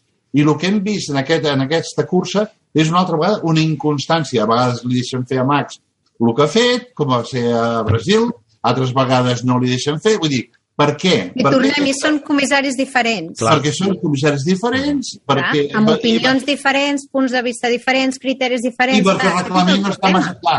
El reglament no està massa clar Ho ha dit la pròpia, la pròpia Neus, ho eh? volen. És que ho volen, volen que sigui així. Jo moltes Ah. vegades amb el Charlie havia discutit per això perquè no ho posem més clar. És que no els interessa que sigui Clar, massa clar. i ja volen ambigüitat, no? Ells volen jugar aquesta part de, de, de, D'ambigüitat. important, no? Mhm. Que en un partit de futbol el millor que pot passar és que no, no sàpigues mai qui és l'àrbit i que no es noti que hi hagi un àrbit. Doncs ells volen ser àrbits però que es notin. No? I això és, Això el és que- un altre matís. agafar protagonisme. I això Ja. és el que m'emprenya de, de, de, diguéssim, de la, de la FIA en aquest moment. Miquel, tu què penses d'això? eh, que estic en part eh, d'acord amb vosaltres, no? Perquè sobretot el tema de la, de la inconsistència. Com a Mm. pilot, eh, nosaltres és el, que- és el que demanem, perquè d'aquesta manera sabem el que es pot fer i el que no es pot fer, no? I, i en aquest sentit és, és, és l'únic que, que, que necessitem eh, per poder jugar les nostres, les nostres cartes. Eh, del tema de deixar passar, de que sí, de que no, de que ara no, de que jo et, dic que, que ho facis ara, de que no. Això jo crec que s'ha de... a- a- Quan si et diuen que s'ha de deixar passar, és el que deia, em sembla, la, la, la Neus, que, que s'ha de deixar passar al moment. I això ho sabem tots. Per què? Perquè després pot influir moltíssim en la cursa. Eh, si tu busques el, el teu millor moment, eh, pots, pots condicionar-lo. No? Va passar estona, eh? I- Des de que li diuen fins que ho fa... Per això, Miquel, s'ha de, això, de canviar això. el reglament. Són tres voltes. Vale, pues- tres voltes. Que canvin el reglament i que diguin que ho facin al Pues que moment. el canviïn. Perfecte. que, que els Però que ho canvi, diguin, vale, que ho diguin, que ho escriguin. Que ho De escriguin. moment no està escrit així. Clar. Aleshores el Max pot, pot jugar fins a l'últim moment del reglament. clar. I- i no és il·legal, i no és il·legal. que Hi ha una cosa molt important per un team manager és fer entendre al pilot el reglament. I els pilots són molt cabassuts amb aquestes coses. A vegades no, no, no els costa hasta, No, ja, hasta, hasta llegir. No? Doncs una de les meves feines ha sigut sempre intentar fer entendre al pilot com és el reglament, quin és l'espírit del reglament, perquè el reglament és una cosa i l'espírit del reglament és una altra. No hauria de ser així, eh? Aquí és on hi ha la interpretació. Clar, clar. Aquest és l'error. Aquest important és l'error enorme. de tenir-ho clar, la, la, la, lo important de tenir-ho clar és perquè també tu puguis jugar les teves cartes, d'alguna forma. Clar. Saber Eh, fins on saber- pots arribar, no? Fins on pots arribar. Quin és el marge de pressió que pots fer? Eh? Després, després eh, entrarem a discutir la forma de fer-ho, que això Mm. és el que crec que s'ha de, que de discutir. Com eh, abans, Joan, deies que, que, que, que, bueno, que la, tal com va fer el, el, el Max i el Hamilton van reduir i tal, no sé què, tu no pots anar a, a la recta i frenar de cop i començar a reduir marxes. I, Tu i- creus que allò no és un break test, Miquel? Tu creus que va fer un break test? Jo crec, no, potser no era la seva intenció, però la seva intenció era treure profit d'allò. 69 bars, 2,5 Gs de desacceleració. Això és poca cosa, no? No? Tinc la sensació que no, és una grandíssima frenada, no? No, no, ho és, ho és. Ho és, sí? És bastant. Nosaltres, vale, és un altre tipus de cotxe, Clar. eh, altra aerodinàmica, podem dir. Nosaltres no frenem més de 80. No freneu més de 80. O sigui, si un final de recta, Sí. per exemple, la, la frenada d'un GT vostre és 80, 80 la, bars. La, la, frena, la primera frenada del Bahrein, que Sí. és una frenada de primera marxa i de, i de, de ser quasi de, bueno, de parar-se i, Sí. girar, són 80-90 bars. Vale, te, te torno a dir, eh, aquests van a, 200, a 230, 200, eh, perdó, a 320, 330 o el que sigui, el que sigui vale? Mm. i necessites una bona potència i, de frenada. Però és que 60 bars jo crec que és bastant. Però a Joan. mi el que més... Sí, sí, perdona, el que Miquel. Més, Mm. el, que, el que més em, em, em crea aquesta forma de fer-ho, de, de, de dir, ostres, eh, ho podria haver evitat, és que ell mira el retrovisor, ell Ja, comença a frenar Mhm. i, i, i a la que sent el contacte tira endavant per dir vale, ara ell eh, s'ha tocat, jo tiro per, per, perquè no em diguin res, saps? Mm. Eh, aquí és la situació. Que ho faci en un, en un moment o altre, això a mi, mira, m'és igual. Però la forma de fer-ho, en aquest cas, eh, crec que va ser errònia per part del Max. Eh, com, com també el, defen el defenso a la, a la primera curva de la Mhm. ressortida, Mhm. eh, que es va ficar per dins i va intentar, intentar adelantar els dos i ho ha fet. Allà el defenso perquè jo faria el mateix. Però, ja et dic, també és una forma i sobretot diem que s'està jugant al campionat i per un és el seu primer campionat del món i per l'altre eh, és intentar aconseguir el, a, el rècord històric de campionats del món. Joan, eh, per tu eh, era un break test? No m'ho diguis ara, fem una mini pausa, fem una mini pausa i ara ens ho expliques. Era un break test o no? Ai, ara ho sabrem. Em vull vendre el cotxe, vendre el cotxe. A Vender mi cotxe et comprem el cotxe. Però com? On i quan? No tinc temps. Fàcil i molt de pressa. No cal ni demanar cita. Vine amb el teu cotxe, accepta la millor oferta i abans de 30 minuts tu i els teus diners estareu de tornada a casa. Vinga, venta el cotxe a Vender mi cotxe. Som a Barcelona, al carrer Rocafort 78, Cornellà de Llobregat i a Sabadell. Et vols vendre el cotxe? Busca, compara i, si algú te'n paga més, vine a Ocasión Plus. Millorem qualsevol taxació al millor preu garantit, pagament al cap de 30 minuts. Ocasión Plus, dues botigues a Terrassa, un altre a Mataró i també a ocasionplus.com. Obrim els dissabtes matí i tarda. RAC més us està oferint Cafè del Paddock. Tota l'actualitat del món del motor amb Josep Lluís Merlos. Analitzant aquest gran premi de l'Aràbia Saudita al circuit de Lleida, amb la Maria Serrat, el Joan Villadelprat i el Miquel Molina. I teníem una pregunta pendent que havíem llançat al Joan. Eh, el Miquel deia que sí, que ell considera que era un break test, que, que la frenada va ser contundent. Joan, tu què creus? No, jo no crec que sigui un break test en absolut. Jo el que crec és que ell volia que passessin a aquell lloc, és un revolt d'esquerres, ell estava a la dreta, eh, ell va dir, aquí és on vull que em passi, eh, va començar a frenar i a reduir, fins a tot va reduir fins a tercera. Hamilton va veure el que estava fent, el podia haver passat tranquil·lament per l'interior perquè hi havia espai suficient, no hi havia cap problema, es va voler posar darrere, va veure que, que el volia fer passar per allà i ell va dir, en aquí no vull passar. I això són declaracions mateixes de Hamilton. Tot això, tot aquest pensament en aquests eh, microsegons, uh -huh. eh, el va fer que estava darrere i quan es va donar compte el va tocar. Ja. No crec ni que el Hamilton el volgués tocar, ni que Verstappen volgués... Que no hi havia mala llet per part de ningú. Cap dels dos. Jo crec que es van equivocar. Tots dos. Per això dic que la culpa és dels dos. El que sí que és veritat és que Hamilton podia haver evitat aquest accident. Uh -huh. Però hi ha una cosa, Miquel. Eh, quan tu has de cedir una posició, no t'ho diuen el director de cursa de dir has de cedir la posició, i, però igualment, quan tu pots recuperar la posició, també t'ho diuen, no? És a dir, el Massi li va dir amb el Hamilton ara Verstappen et deixarà passar? Està obligat a fer-ho o no? En el nostre cas, eh, no, o sigui, connexió directa amb el, amb el director, director de cursa no tenim, No en teniu. tenim amb l'equip. Uh -huh. Però, però sí que és cert l'equip sap quina decisió han, han pres el, el director de cursa. Però no el moment, no? saber. No el moment Però en no què el te'l... No, no. no ho saps. No. Joan, i a la Fórmula 1? Clar. O sigui, es comunica de dir, ves que ara aquest et retornarà a la posició, això es fa o no? No, no espera, espera un moment. Primer de tot, el director de carrera parla amb l'equip, no parla Correcte. mai amb el pilot. Sí. Ningú, Correcte, ningú, sí. ningú parla amb el pilot Tens raó. a part del seu enginyer Mm. o el team principal o el que sigui, Vale. no? Mm. Això, això d'entrada. Això, el, el, el, el director de cursa té que prendre la decisió. Mm. Aquesta decisió la té que passar l'equip. I a l'equip, llavors, li té que passar al pilot. I el pilot té tres voltes per, per fer el que li han dit. Mm. Això és com està el reglament establit. No et dic que sigui bé ni que estigui malament. Que està escrit això és així. ha. Això, està, Sí, això és el que té que fer. I això és el que juga Max.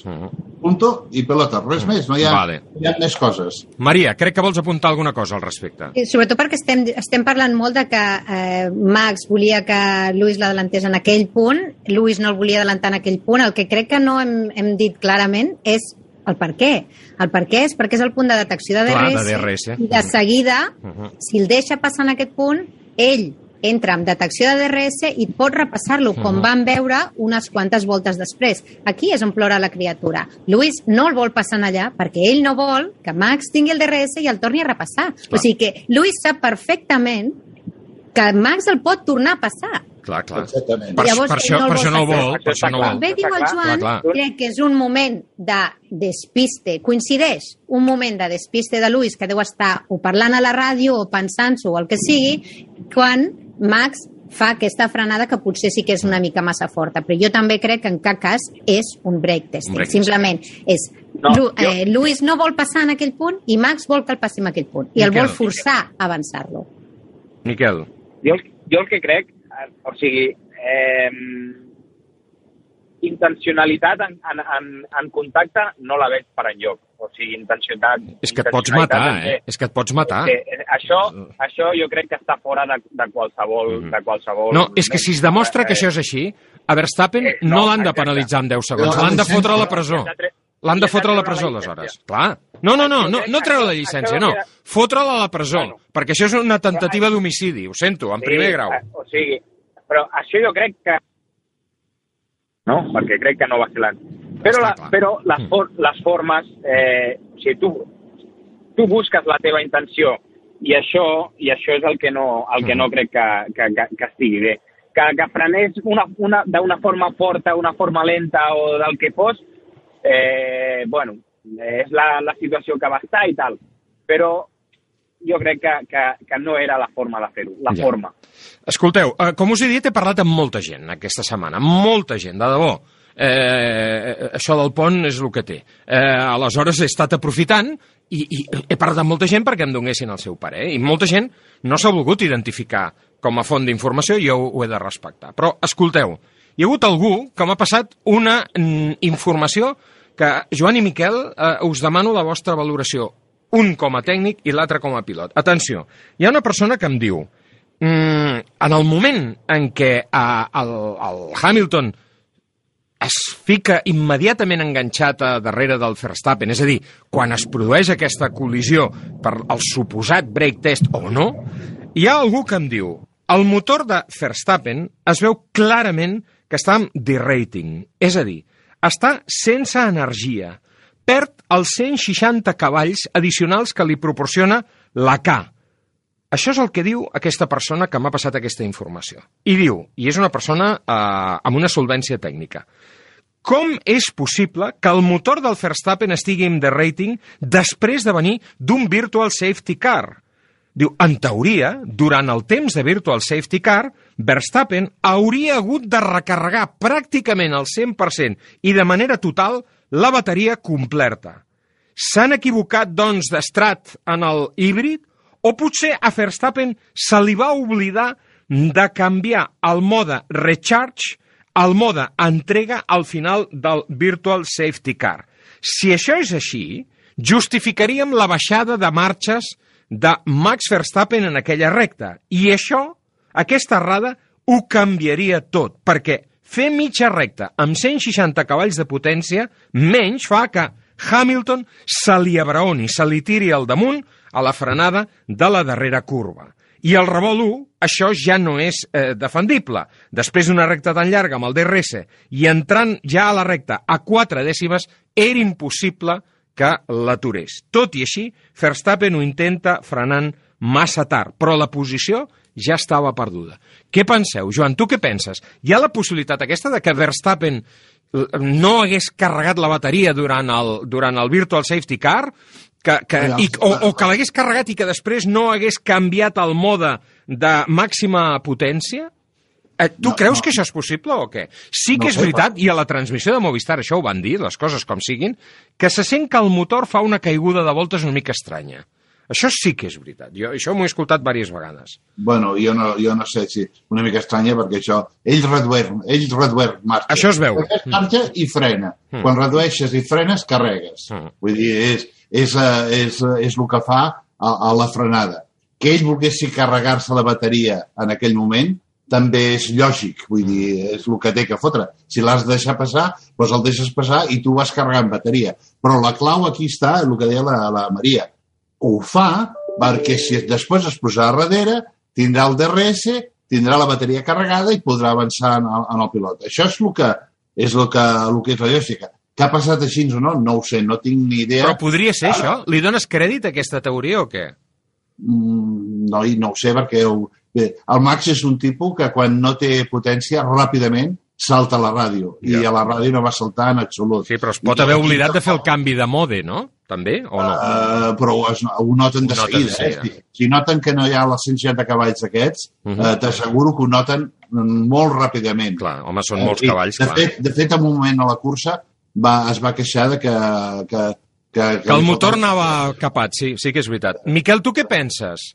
Li dones crèdit jo, a aquesta possibilitat? Pot haver bueno, passat jo, això? No, jo crec que és una situació, una, és, és diferent la situació, eh? No, mm. O sigui, no, no, estic, no estic segur de, del que diré ara, eh? Per, mm. perquè no, no, tinc, no tinc les dades exactes. Mm. Però pel, pel que dieu, o sigui, eh, la situació d'aquesta, de, de, de, de quan va deixar passar, el, quan, quan volia deixar passar el Hamilton, és just després d'una ressortida. Correcte, saps? correcte. Vale, no, després no, d'una ressortida no, d'un virtual. D'un virtual. D'un bueno, virtual. Pues, hmm. Però després amb bandera verda. Exacte, exacte, sí, sí, que ja, li ha, que ja li ha pogut donar temps a descarregar tota ah, sí? la, la bateria. Però eren metres ah. abans, eh? Recorda que, que, que la, la situació es produeix eh, immediatament, eh? El, el... No, però el que vull dir és que ell en el virtual podria tenir hmm. tota, la, tota, tota la, la bateria carregada ah, exacte. quan va donar verd, descarregar-la per, per, per agafar avantatge. Exacte, aquesta, després, aquesta és la reflexió, dir, sí. Jo crec, jo crec que va ser, que, bueno, que podria ser així, no ho sé, eh? Mm -hmm. però, però jo, en aquest cas, si tinc una ressortida, carrego tota la bateria amb el mm. Virtual Safety Car i després, quan donen el verd, la descarrego tota, guanyo, guanyo distància i, i després, bueno, pues, si, si ha de tornar a frenar per carregar-la, per tot això ja, ja és després, posterior. Ja. Però, però jo crec que podria ser més cap a aquest cantó. Maria, um, ja estem a la recta final del, del podcast d'aquesta setmana. Jo vull insistir una altra vegada amb els problemes de traducció, que no d'interpretació, de traducció. Quan després de tot aquest afer Verstappen li torna la posició a Hamilton per segona vegada, per segona vegada, ens expliquen a través de la transmissió eh, ens diuen su ingeniero, su ingeniero le ha dicho que lo que ha hecho es innecesario. Però a mi això em va sonar molt estrany, perquè no em puc imaginar un enginyer que li foti un retret al seu pilot a, a través de la ràdio quan això es pot escoltar urbi et orbi. Aleshores, a mi això em, sonava, em va sonar una mica estrany que la traducció fos aquesta. Com si l'enginyer li estigués dient tio, però què has fet? Això era innecessari. Això és el que ens van traduir. Però després jo he buscat eh, exactament el que li diu a la ràdio. I concretament l'enginyer que no sé qui és, no sé qui és l'enginyer eh, de, de Max Verstappen en aquell moment, o, o no sé qui és qui li diu, li diu exactament això. We didn't quite need to do that. I jo entenc, Maria, i, i Joan, rectifiqueu-me, vosaltres parleu anglès millor que jo, que el que volia dir l'enginyer no és que li estigués dient, tio, això és innecessari, en referència a la frenada, sinó a dir, és que no calia que li tornessis la posició per segona vegada, perquè ja t'han penalitzat amb un càstig de 5 segons. Jo entenc que això era això. No ho sé, què, vei, què, què penseu, Marieta? Tu què penses? Has donat, has donat perfectament el clau. Exactament és això el que li diu l'Inge. Mm. We didn't need uh, quite We to do didn't that. quite need to do that. Li diu això. Ho diu en referència a que li torna la posició quan de, els comissaris l'havien penalitzat ja amb els 5 Ja, segons ja li havien fotut per els 5 segons. avançar fora de pista. És, Llavors, és, ja és com ser banyut i pagar el beure, en aquest cas, no? Veia doble Ell li càstig. diu això en referència al retorn de posició. En cap moment, com tu dius, les bronca, perquè mai, mai a la vida ni l'enginyer, eh, ni el team eh, manager, ni el team principal, ni el sporting director li eh, les broncaran per la ràdio, el seu pilot, al contrari. Eh, ja estem sentint el que, el que diu Helmut Marko, el que diu Christian Horner, el que diuen tots, tots li donen sempre la raó de tot, el defensen amb tot, en públic. Una altra cosa és el Sí, que sí, li diguin no, en privat. després en privat- En públic mai les broncaran. I exactament la referència és això, a retornar a la posició quan ja t'han penalitzat amb els 5 segons. No és que li estigui fotent una bronca, eh? això era no. innecessari, sinó, No, no, no, no, sinó per dient això que no tinc vaig calia posar que les li mans al tornessis cap. ara. Clar. En recordeu- Joan, en tu què dius? En recordeu-se que hi ha un delay enorme Sí. en el que veiem a la tele i, el que, i quan eh, parla un enginyer... Però perquè volen, eh, Joan? Perquè volen, No, eh? hi ha, hi ha un delay. Eh? Perquè hi ha una censura prèvia, eh? Les coses com nosaltres, siguin. Nosaltres sentim coses que han, Que han passat fa un minut com a mínim. Exacte, que, que, que, que, que aquest minut que potser és, eh, eh, és un altre moment, Sí. eh, això també és així. Vull dir que jo estic d'acord amb el que diu, el que diu la Maria eh, i, i, i, i, i crec que no, no és una esbroncada de l'enginyer en absolut en el pilot, perquè això cap enginyer s'ho pot permetre. Va bé, dues frases més, perquè aquest gran Estaria premi... fora, estaria fora ràpidament. Per eh, això, equip. per això, No clar, estaria, eh? clar, clar, clar. Sobretot, sapiguem que t'estan escoltant tot el món. Urbi et orbe, urbi et orbe t'estan escoltant. Dues frases més ja per acabar el programa que voldria analitzar. Max Verstappen, Miquel, diu les decisions dels comissaris no mereixen les meves paraules. Home, això tampoc és això, no? Perquè jo trobo que aquí peca de prepotent. D'acord, que a Verstappen... Ahir un amic meu em deia és que Verstappen és la bèstia que heu alimentat vosaltres, els periodistes, perquè heu estat aplaudint la seva energia, la seva manera de conduir, i ara, quan l'aplica, eh, us encabroneu. Dic, bueno, alguns, dic, no tots. Miquel, eh, està bé que Verstappen digui això? Les decisions dels comissaris no mereixen les meves paraules? Eh, No és una mica prepotent, això? Forma, no, però és la seva forma de, de, de, Ja. de, de veure les coses i, Mhm. i, i no és la primera que, que diu així. O No, sigui, ja, no, ja. amb això jo crec que no, no li haurien de donar més. Vale. I per últim... Jo, jo t'ho dic, jo et dic, eh, això sempre s'arregla amb una perdona, no volia dir-ho. Sí, Eh? sí, O sigui, eh, truquen... Bueno, sí, clar, Joan, però si ara trec una pistola i et fot un tiro No, al no, mig del però- cervell... però- Hosti, però- Joan, no, de bon rotllo, eh? De bon rotllo t'ho dic, perdona, eh? Quantes, quantes, tothom ha anat allà, eh? Tothom, eh, tots els pilots passen pels comissaris quan fan un comentari d'aquest estil. Ja. Vull dir, és lògic que en calent el tio estigui cremat i deixi Sí, anar no, no, qualsevol No, cosa. jo crec que amb això no... no I, I llavors una- tu l'agafes per l'orella i dius, escolta, anem allà i digues, perdona, no volia dir-ho. Ja. Això, eh, el que és més penós és que ho diuen els team managers, que aquests són els que haurien de tindre el cap fred. Ja. I en canvi, tant Christian Horner com a l'altre Mm. són dos que han perdut el nord completament. És allò que completament. deia- allò que deia la Maria. Toto Wolf, que era un tio que ens semblava Sí, sèrio, eh, elegant, etc. ni elegant, és un kinky com el Christian Horner. Hosti. Dos kinkis. Quan vaig veure que Toto Wolf uh, tirava els auriculars d'aquella manera, Joan? Vaig dir, hòstia, això jo ho he viscut a algun lloc, ah, no me'n recordo on, però en algun circuit de Fórmula 1 jo he vist algú tirar uns auriculars. Un moment, uh, Sí. Ron Dennis ho va fer-ho. Te recordes amb, amb, amb, amb Alonso? A- a Budapest. Hamilton? Sí. Ah, no, Alonso Hamilton, quan entra un i després l'altre té que esperar, i el Ron Sí, Dennis... Sí, exacte, sí, sí. No, no, però jo, jo no ho sé, algun, eh? En, en aquest algun, somni... amic, algun amic nostre. Algun amic nostre, jo, no, jo saps, no sé si ho he somiat, però recordo algú traie, treure's uns auriculars i després un altre dir, otro golpe. Quan ho feia, quan ho feia... Sí, sí, el que ho fer l'amic vostre era seu. El circular era seu. se'l Prou, prou. El Dos segueixis, tu, dos segueixis, no vagis per aquesta línia. I l última frase, no? Eh, jo he dit al començar el programa que per mi no hi havia culpables. Que per mi no hi havia culpables. Quan dic que per mi no hi havia culpables, vull dir amb el casc posat. Perquè hi ha una frase de Fernando Alonso que defineix per mi el desgavell d'aquest gran premi. Perquè aquest gran premi va ser un desgavell. Vull dir, hi ha hagut molta gent que s'ho ha passat molt bé. Jo no. A mi no em va agradar. Que la cursa va ser emocionant? Sí. Però, insisteixo, vaig estar patint del primer fins l'últim moment. Mm, per què? Per la, per la perillositat del circuit. Miquel, a tu et va agradar aquest circuit, com a pilot? És difícil de valorar-ho si no estàs allà dins, Ja, no? si no has corregut. És, sí, però, però, bueno, és, eh, pel que diuen ells, pel, Mm. pel que diuen els pilots, sí. Pel que diuen els pilots va ser, va ser interessant, i sobretot les primeres voltes que van, que van, que van anar fent. Eh, Després, Les primeres voltes que van ser un rotllo patatiu. Mira, estar- Van ser un vaig- rotllo. I al sí, principi vaig dir, vaig estar vaya, vaya tostón de cursa que ens espera a les primeres voltes. Vaig, vaig estar la setmana anterior amb el Mick, amb el Mick Schumacher a Sí. Aràbia Saudita, que tenim un event de Ferrari, de Sí. està involucrat en Ferrari, Eh. eh, va dir que, que, que era un circuit que no hi havia marge de res. O sigui, Ah, si feies home. un error o si Mm. no hi ha... O sigui, et, Semblava una pista d'indi et, et, et donaves una fava que, que, que et podies fer contra mal. el mur, clar, clar. Més, Uh -huh. ell se'n va donar una.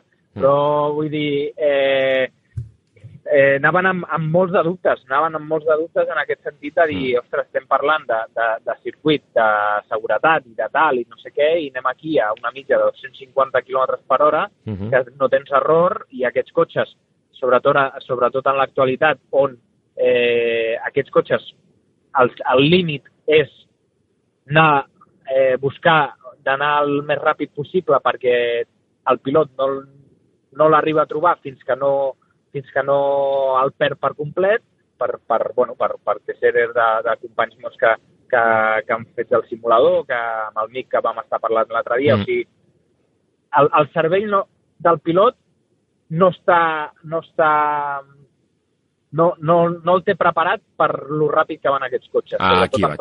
Aquí vaig. És molt important I- això que has dit, eh? Molt. I, I realment, contra més ràpid pensa el teu cervell, més ràpid vas. Ja. Perquè, perquè aquests cotxes no tenen límit, eh, depens molt de l'aerodinàmica i, i, i realment doncs, doncs eh, no saps no, no, no saps fins a on pots arribar. I, i vaig parlar també amb el, amb el Cúbica i ara em diu, ostres, després de provar aquest cotxe amb les dues curses que he fet, em, puig, em pujo a qualsevol altre tipus de cotxe, amb un LMP2, amb un GT... Clar, i sembla això, que vagi parat. i no, no, no, i diu, el meu cervell va molt més ràpid del que va el cotxe. I després em paro a pensar i dic, no, no, és que vaig molt ràpid també amb aquest cotxe, Clar, però el meu clar. cervell està acostumat a una altra cosa. I bueno, el que dèiem, no? que, que el circuit doncs, és, un- era un circuit que, que, que, bueno, que a unes mitges de, 100 de 150 km per hora entre murs, pues, eh, els pilots ja anaven preparats a, a, a dir que allà si, si feien un error doncs ja, saben, ja sabien on acabava. Ja. Jo insisteixo, eh, l'última frase. Eh, la va dir Fernando Alonso a través de la ràdio després del tercer Virtual Safety Car. N'hi va haver un grapat. Diu, treu 100 banderes vermelles i després ens deixes rodant a 300 per hora quan la pista està en les pitjors condicions que hem tingut durant tot el cap de setmana.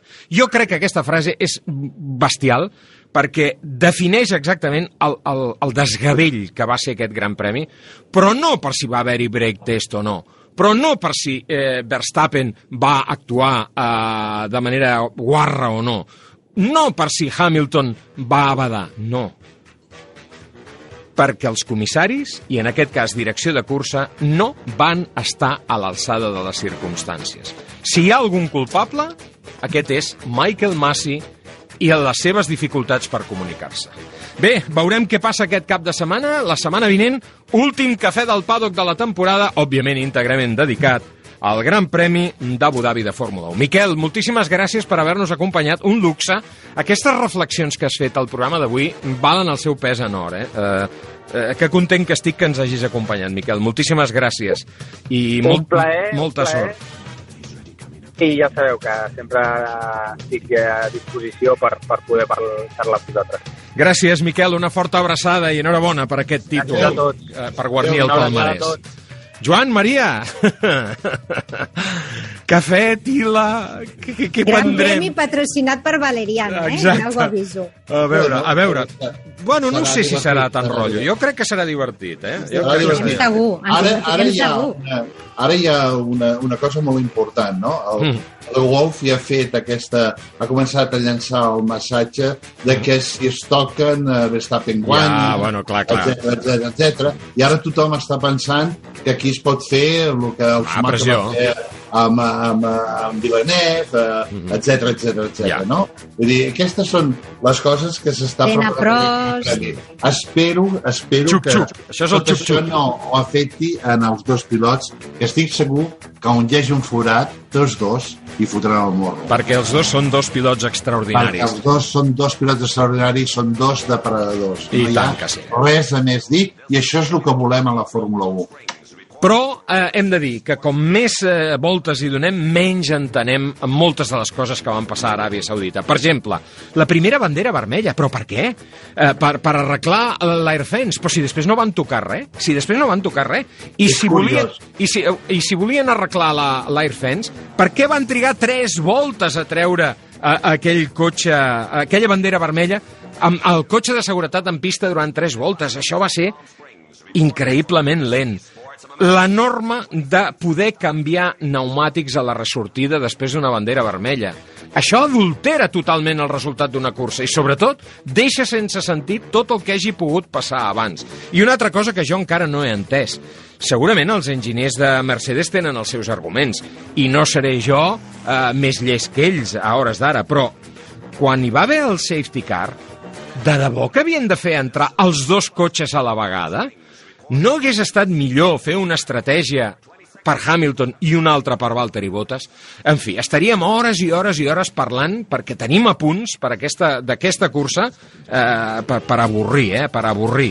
Eh, la Maria i el Joan em coneixen molt i ja saben que a mi m'agrada molt apuntar moltes coses i ja sabeu que tinc sempre fulls, llibretes, xuletes, papers per tot arreu i els d'aquesta vegada us prometo que han estat molt llargs. És el que té un pont, és el que té un pont, és així.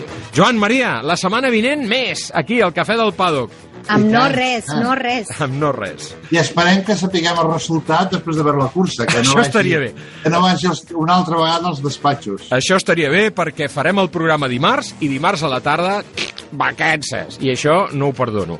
Vinga, fins la setmana entrant. Joan Maria, un petó, una abraçada. A veure, una abraçada. I a tots Adéu. vosaltres, fins la setmana entrant, us esperem en una nova edició del podcast del món del motor aquí a RAC més 1, al Cafè del Paddock. Adéu-siau.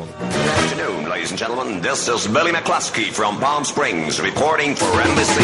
RAC més 1 us ha ofert Cafè del Paddock. Tota l'actualitat del món del motor amb Josep Lluís Merlos. Et vols vendre el cotxe? Busca, compara i, si algú te'n paga més, vine a Ocasión Plus. Millorem qualsevol taxació al millor preu garantit, pagament al cap de 30 minuts. Ocasión Plus, dues botigues a Terrassa, un altre a Mataró i també a ocasionplus.com. Obrim els dissabtes matí i tarda. Em vull vendre el cotxe, vendre el cotxe. A vender mi cotxe et comprem el cotxe. Però com? On i quan?